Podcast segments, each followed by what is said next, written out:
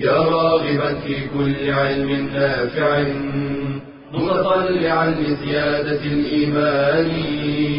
وتريد سهلا النوال ميسرا يأتيك ميسورا بأي مكان. زاد زاد أكاديمية ينبوعها. صاف صاف ليروي غلة الظمآن. وتعلم اللغة الفصيحة ورعاها بطريف أسلوب وحسن بيان.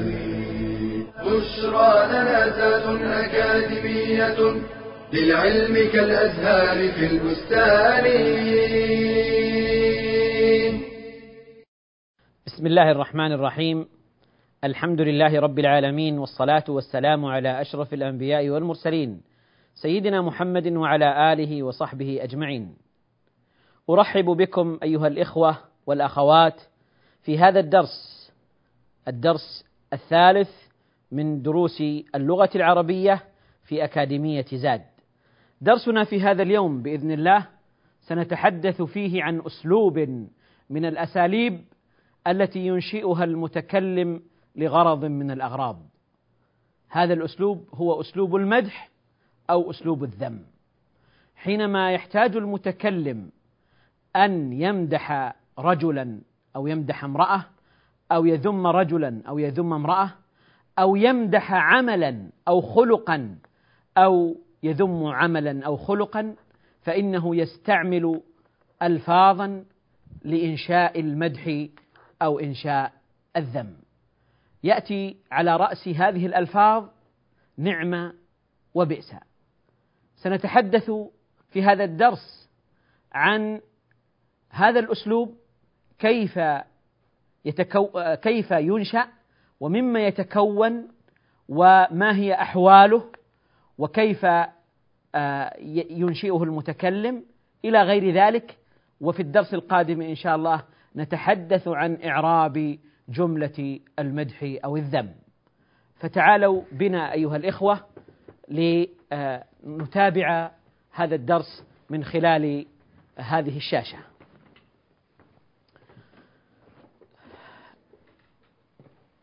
أفعال المدح والذم. أفعال المدح والذم نعمة وبئس وغيرهما من الأفعال كحبذا ولا حبذا حبذا في المدح ولا حبذا في الذم وساء في الذم أيضا وكذلك الأفعال التي تأتي على زنة فعل وتدل على آه، المدح فإنها تدخل في هذا الباب. ولذلك يقال أفعال المدح والذم وما يجري مجراها وما يجري مجراها. حبذا لا حبذا ساء ضعف حسن كبر وما قام مقامها من الأساليب النحوية التي استخدمها العرب للتعبير عن المدح أو الذم. أمثلة ذلك أولا فعل المدح نعم الرجل طالب العلم. نعم العمل الصلاة في وقتها. ولنعم دار المتقين ولنعم دار المتقين هذه أمثلة وآيات فيها أسلوب المدح واستخدم فيها الفعل نعمة. وكذلك بئس حينما نقول بئس الخلق الكذب وبئست المرأة الناشز وبئس الاسم الفسوق بعد الإيمان. فهذه أمثلة على المدح على الذم كما أخذنا أمثلة المدح. إذا نعمة وبئس هما اللفظان المشهوران لإنشاء المدح أو الذم.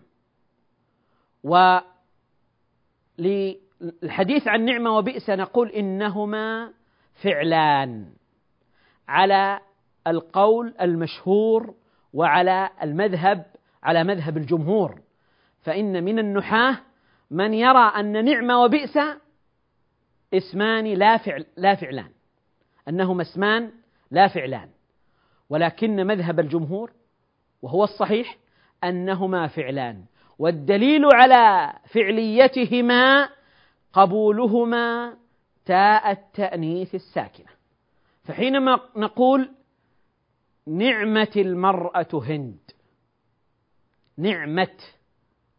فدخلت تاء التأنيث الساكنة على الفعل نعمة وعليه فهذا يدل على أن نعمة فعل لأن تاء التأنيث لا تدخل إلا على الأفعال. وكذلك بئس فنقول بئست المرأة حمالة الحطب بئست المرأة حمالة الحطب. فدخلت تاء التأنيث الساكنة على بئس وهذا يدل على فعليتها. إذا نعمة وبئس فعلان وهما جامدان. وهما جامدان. وما معنى جامدان؟ أي لا يتصرفان. لا يأتي منهما المضارع ولا يأتي منهما فعل الأمر. وهذا يدل على جمودهما وأنهما يلزمان حالة واحدة وهي حالة المضي حالة المضي يعني الفعل الماضي الفعل الماضي. إذا نعمة وبئس فعلان جامدان لإنشاء المدح في نعمة وإنشاء الذم في بئس وإنشاء الذم في بئس. يستخدمان لهذا الغرض وهو إنشاء المدح أو إنشاء الذم. نعود إلى هذه الأمثلة أيها الإخوة نعم الرجل طالب العلم. لو تأملنا في هذه الجملة لوجدنا أنها تشتمل على الفعل نعمة وعلى الفاعل الرجل وعلى المخصوص بالمدح.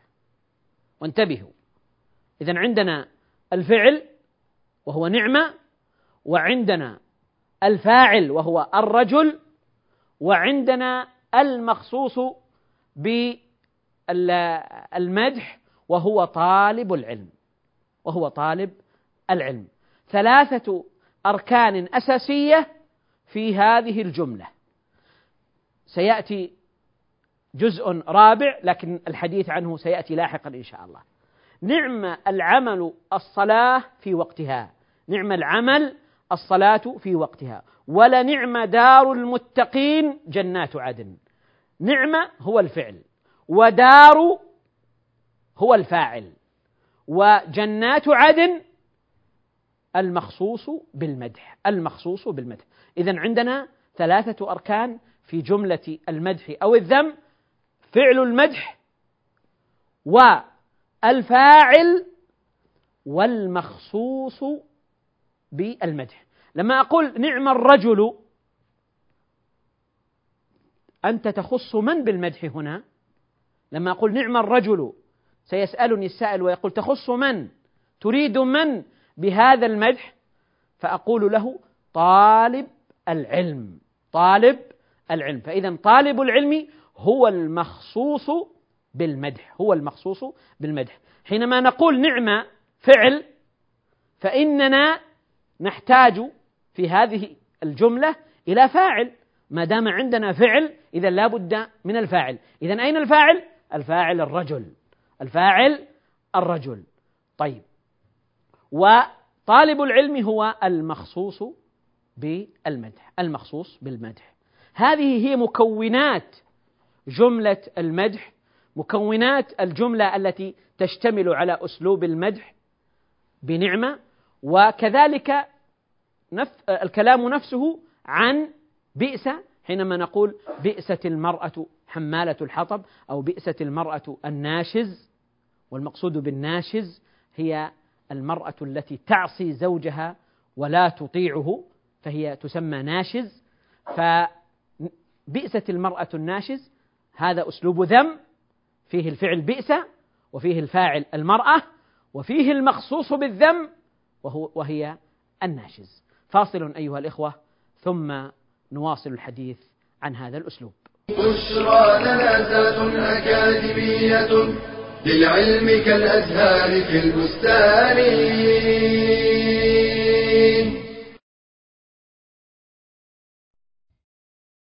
لا يكاد يوم يمر إلا ويعرض لنا أمر نحتار في حكمه الشرعي فكيف نتصرف؟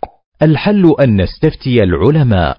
قال تعالى فاسألوا أهل الذكر إن كنتم لا تعلمون. وثم آداب ينبغي أن يتحلى بها المستفتي. آداب في نفسه وآداب مع العالم وآداب في طريقة السؤال فيستفتي أهل الذكر المتبعين للأدلة ويتجنب من يفتون بالجهل أو الهوى. قال صلى الله عليه وسلم إن من أخوف ما أخاف على أمتي الأئمة المضلين. ويعرض السؤال على حقيقته دون كذب أو كتمان. وليعلم أن تدليسه لا يحل له الحرام. فإنما يفتيه المفتي على حسب ما يسمع ويوقر مفتيه. قال صلى الله عليه وسلم إن من إجلال الله إكرام ذي الشيبة المسلم وحامل القرآن غير الغالي فيه والجافي عنه ويتحين الوقت والحال المناسب للسؤال ولا يقاطع الشيخ ولا يلح عليه إذا اعتذر عن الإجابة ولا يضيع وقته بما لا علاقة له بالسؤال. ويترك السؤال عما لا يعنيه قال صلى الله عليه وسلم من حسن إسلام المرء تركه ما لا يعنيه ويتقبل الحكم الشرعي ولو لم يكن على هواه. قال تعالى فلا وربك لا يؤمنون حتى حتى يحكموك فيما شجر بينهم ثم لا يجدوا في أنفسهم حرجا مما قضيت ويسلموا تسليما.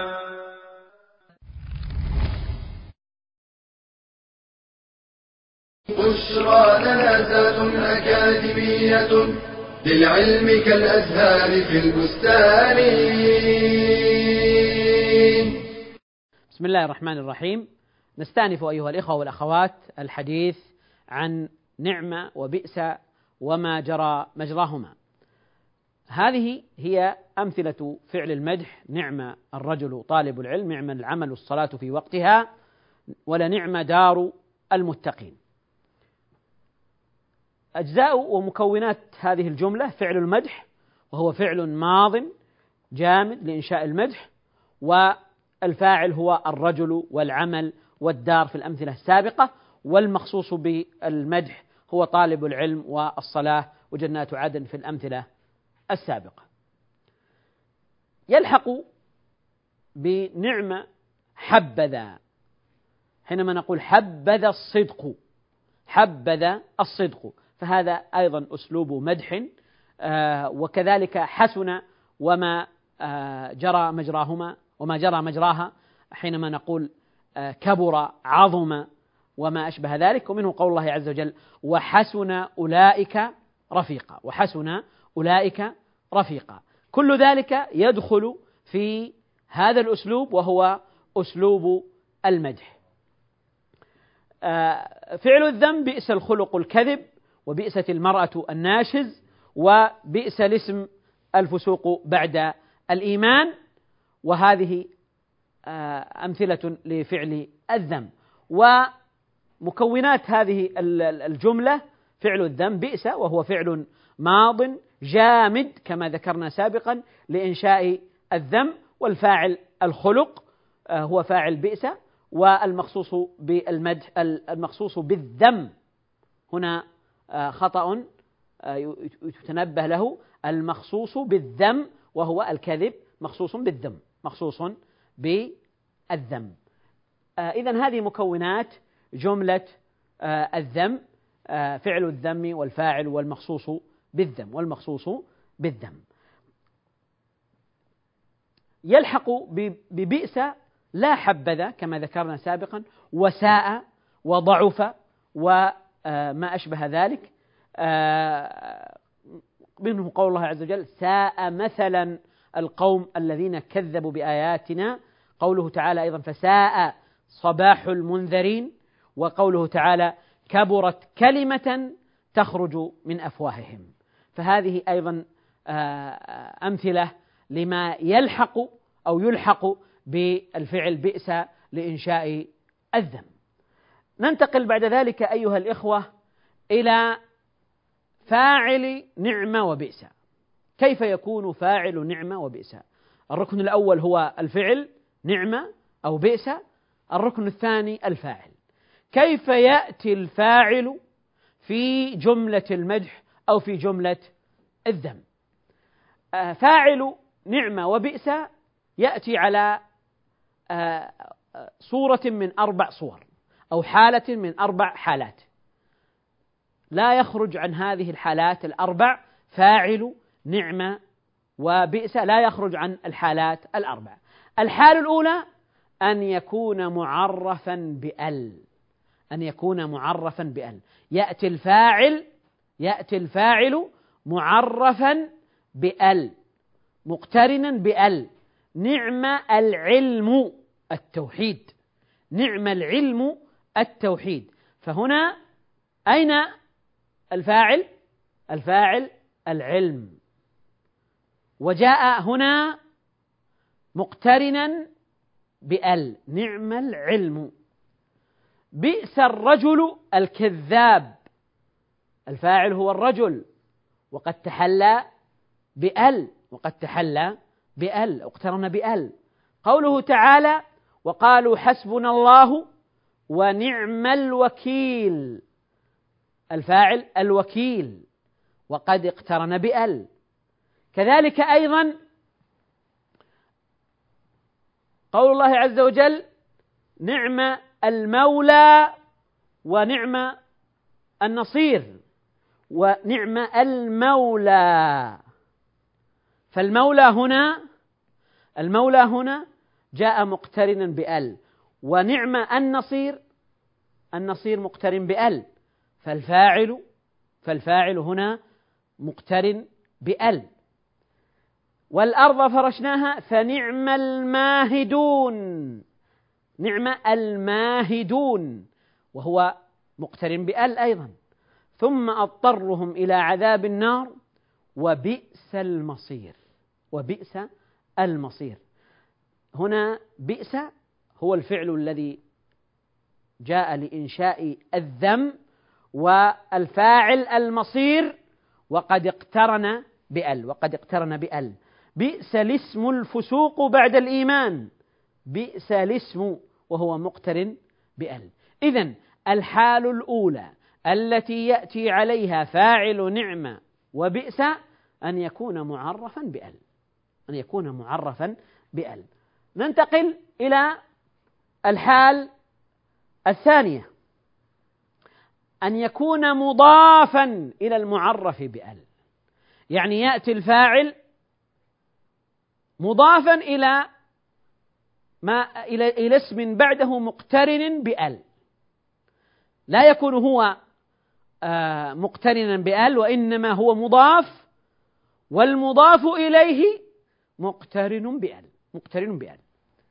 إذا الحالة الثانية أن يكون مضافا إلى المعرف بأل نعم عمل المرء الصلاة لو سألنا أين فاعل نعمة الفاعل عمل. ولكنه ليس مقترن بأل وإنما هو مضاف إلى المقترن بأل. مضاف إلى المقترن بأل. ونعم أجر العاملين. نعم أجر الفاعل أجر. وهو مضاف إلى العاملين والعاملين مقترن بأل وبئس مثوى الظالمين.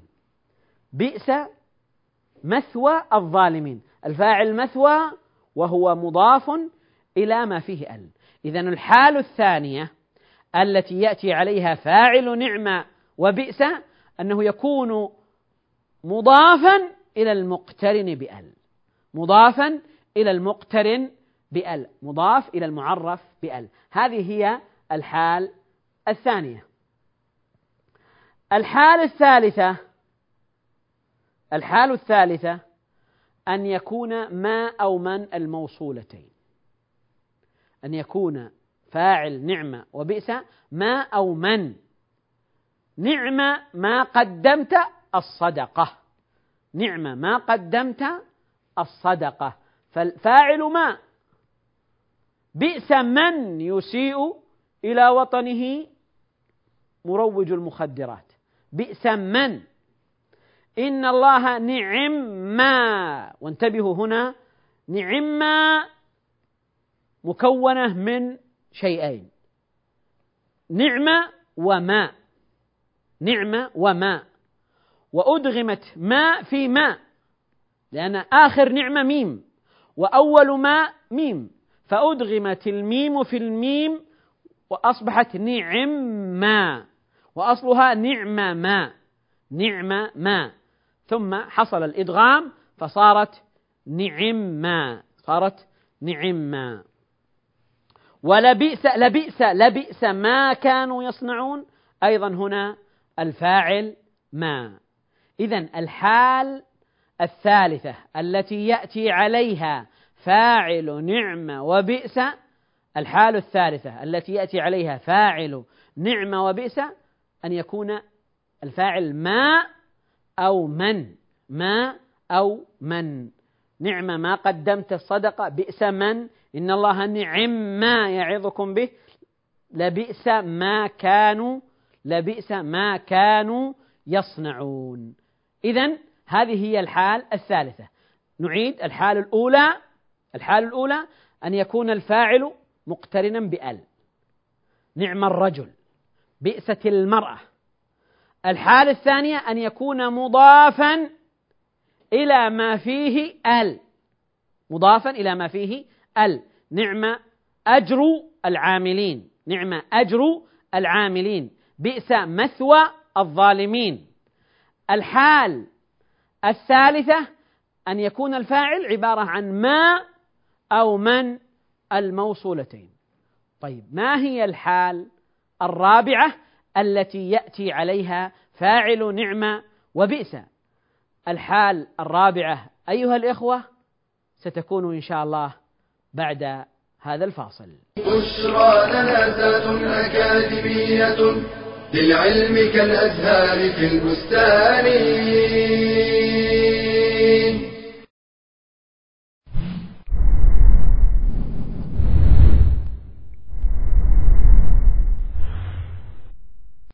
يأخذ بيدك ليرقى بك إلى أعلى المنازل. يقف معك وينافح عنك وقت الضيق والكرب. إنه القرآن. ففي الحديث يقال لصاحب القرآن إذا دخل الجنة اقرأ واصعد. فيقرأ ويصعد بكل آية درجة حتى يقرأ آخر شيء معه. وحين تأتي أهوال يوم القيامة وشدائده لا يتخلى القرآن عن أصحابه. يقول عليه الصلاة والسلام اقرأوا القرآن فإنه يأتي يوم القيامة شفيعا لأصحابه. بل إن القرآن ينفع صاحبه بكل حرف منه. إن القرآن يرفعك وينفعك في الدنيا والآخرة. وفي الحديث من قرأ حرفا من كتاب الله فله به حسنة والحسنة بعشر أمثالها. لذلك استحق صاحب القرآن أن يغبط عليه. قال النبي صلى الله عليه وسلم لا حسد إلا في اثنتين رجل آتاه الله القرآن فهو يقوم به آناء الليل وآناء النهار ورجل آتاه الله مالا فهو ينفقه آناء الليل وآناء النهار فكن مع هذا الصاحب الوفي وعش في رحابه فأنت في صفقة رابحة وتجارة لن تبور.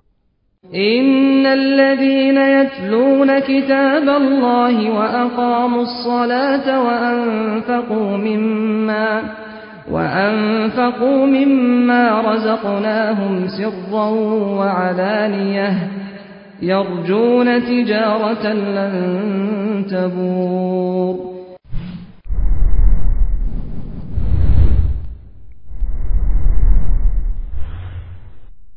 بشرى لنا أكاديمية للعلم كالأزهار في البستان.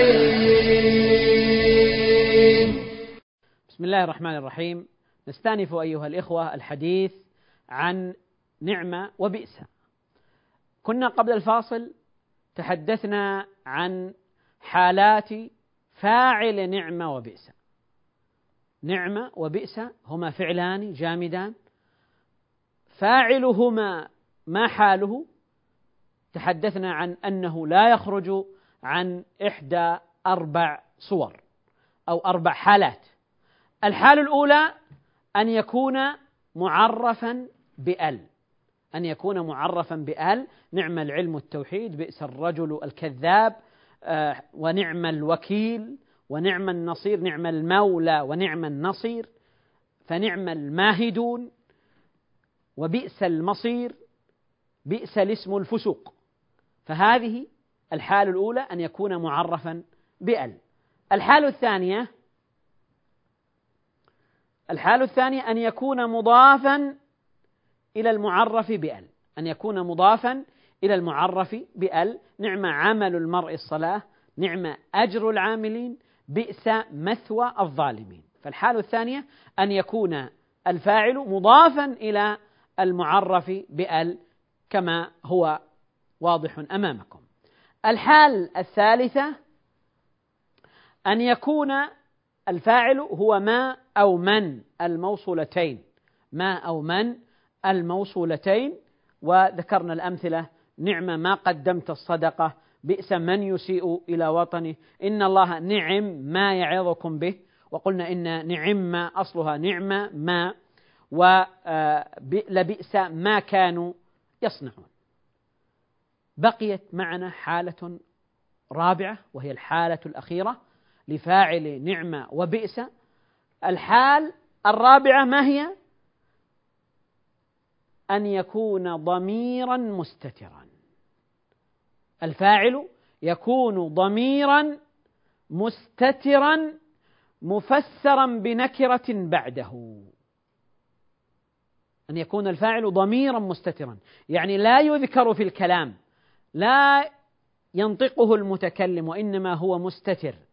طيب يفسر نعم يفسره نكرة تأتي بعده وهذه النكرة تعرب تمييزا له تعرب تمييزا له. إذا الفاعل في هذه الحالة يكون ضميرا مستترا يذكر بعده تمييز نكرة مفسرة تفسر تفسر هذا المضمر. تفسر هذا المضمر وتعرب تمييزا تعرب تمييزا.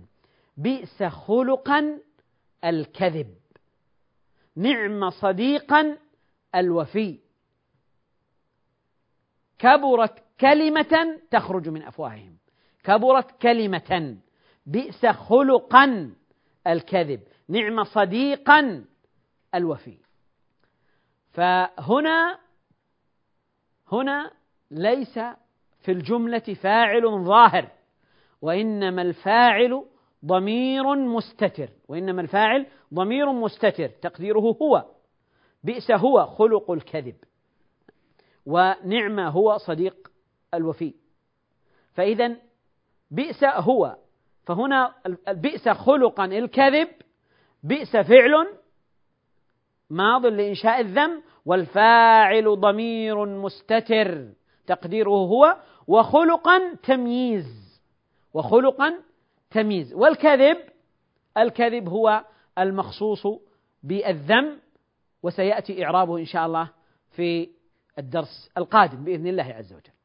إذا هذه الحال الرابعة التي يكون عليها فاعل نعمة, نعمة الحال الرابعة أن يكون ضميرا مستترا. لا يذكر في الكلام ضميرا مستترا.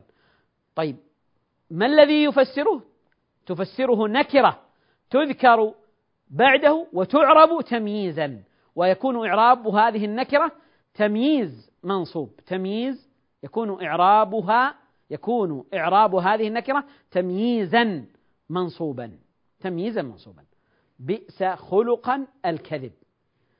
نعم صديقا الوفي نعم نعم فارسا زيد. نعم فارسا زيد. فهنا نعم فعل وفاعله ضمير مستتر تقديره هو وفارسا فارسا تمييز. وزيد هو المخصوص بالمدح نعم فارسا زيد كأنني أقول نعم الفارس زيد وهنا أسأل سؤالا أيها الإخوة لو قلت نعم الفارس زيد أين الفاعل؟ ستقولون إن الفاعل هو ماذا؟ نعم الفارس زيد أين الفاعل؟ ستقولون الفاعل هو الفارس. الفارس هو الفاعل. ما نوع الفاعل هنا؟ من أي حالات الفاعل؟ ستقولون من الحال الأولى وهو المعرف بأل. نعم الفارس زيد. وزيد هو المخصوص بالمدح وسيأتي إعرابه. وسيأتي إعرابه إن شاء الله. فهنا إذا قلت نعم فارسا زيد فالفاعل هنا أين هو؟ الفاعل ضمير مستتر. وإذا قلت نعم الفارس زيد فالفاعل هو ماذا؟ هو الفارس هو الفارس. إذا أيها الإخوة والأخوات حالات فاعل نعمة وبئس أربع. إما أن يكون معرفا بأل أو يكون مضافا إلى المعرف بأل أو يكون ما أو من الموصولتين أو يكون الفاعل ضميرا مستترا مفسرا بنكرة. ضميرا مستترا مفسرا بنكرة. هذه هي حالات فاعل نعمة وبئس. هنا أيها الإخوة نكون قد أتينا على ذكر هذا الأسلوب كيف يتكون؟ كيف ينشأ؟ ما هي عناصره؟ ما هي أركانه؟ وما هي حالات وما هي حالات الفاعل فيه؟ خلاصة ما ذكرنا أيها الإخوة في هذا الدرس ما يلي. أولا حينما نتحدث بمدح أو ذم فإننا نستخدم هذا الأسلوب ونتلفظ بألفاظ تدل على المدح أو الذم. وأشهر هذه الألفاظ نعمة وبئس ولكن الأمر لا يقتصر عليهما بل آه، هناك أفعال أخرى تجري مجراهما مثل ساء ومثل حبذا ومثل لا حبذا ومثل آه، حسن وعظم وكبر وما أشبه ذلك. فهي تجري مجرى نعمة وبئس. هذه هي الأفعال التي تدل على المدح أو الذم. تدل على المدح أو الذم. وعناصر آه، هذه الجملة جملة المدح أو جملة الذم عندنا فعل فعل المدح والفاعل والمخصوص بالمدح. وجملة الذم فعل الذم والفاعل والمخصوص بالذم والمخصوص بالذم هذه هي العناصر الأساسية. من العناصر أيضا التمييز إذا لم يذكر الفاعل. إذا كان الفاعل ضميرا مستترا فإنه يأتي تمييز ليفسر الفاعل المستتر.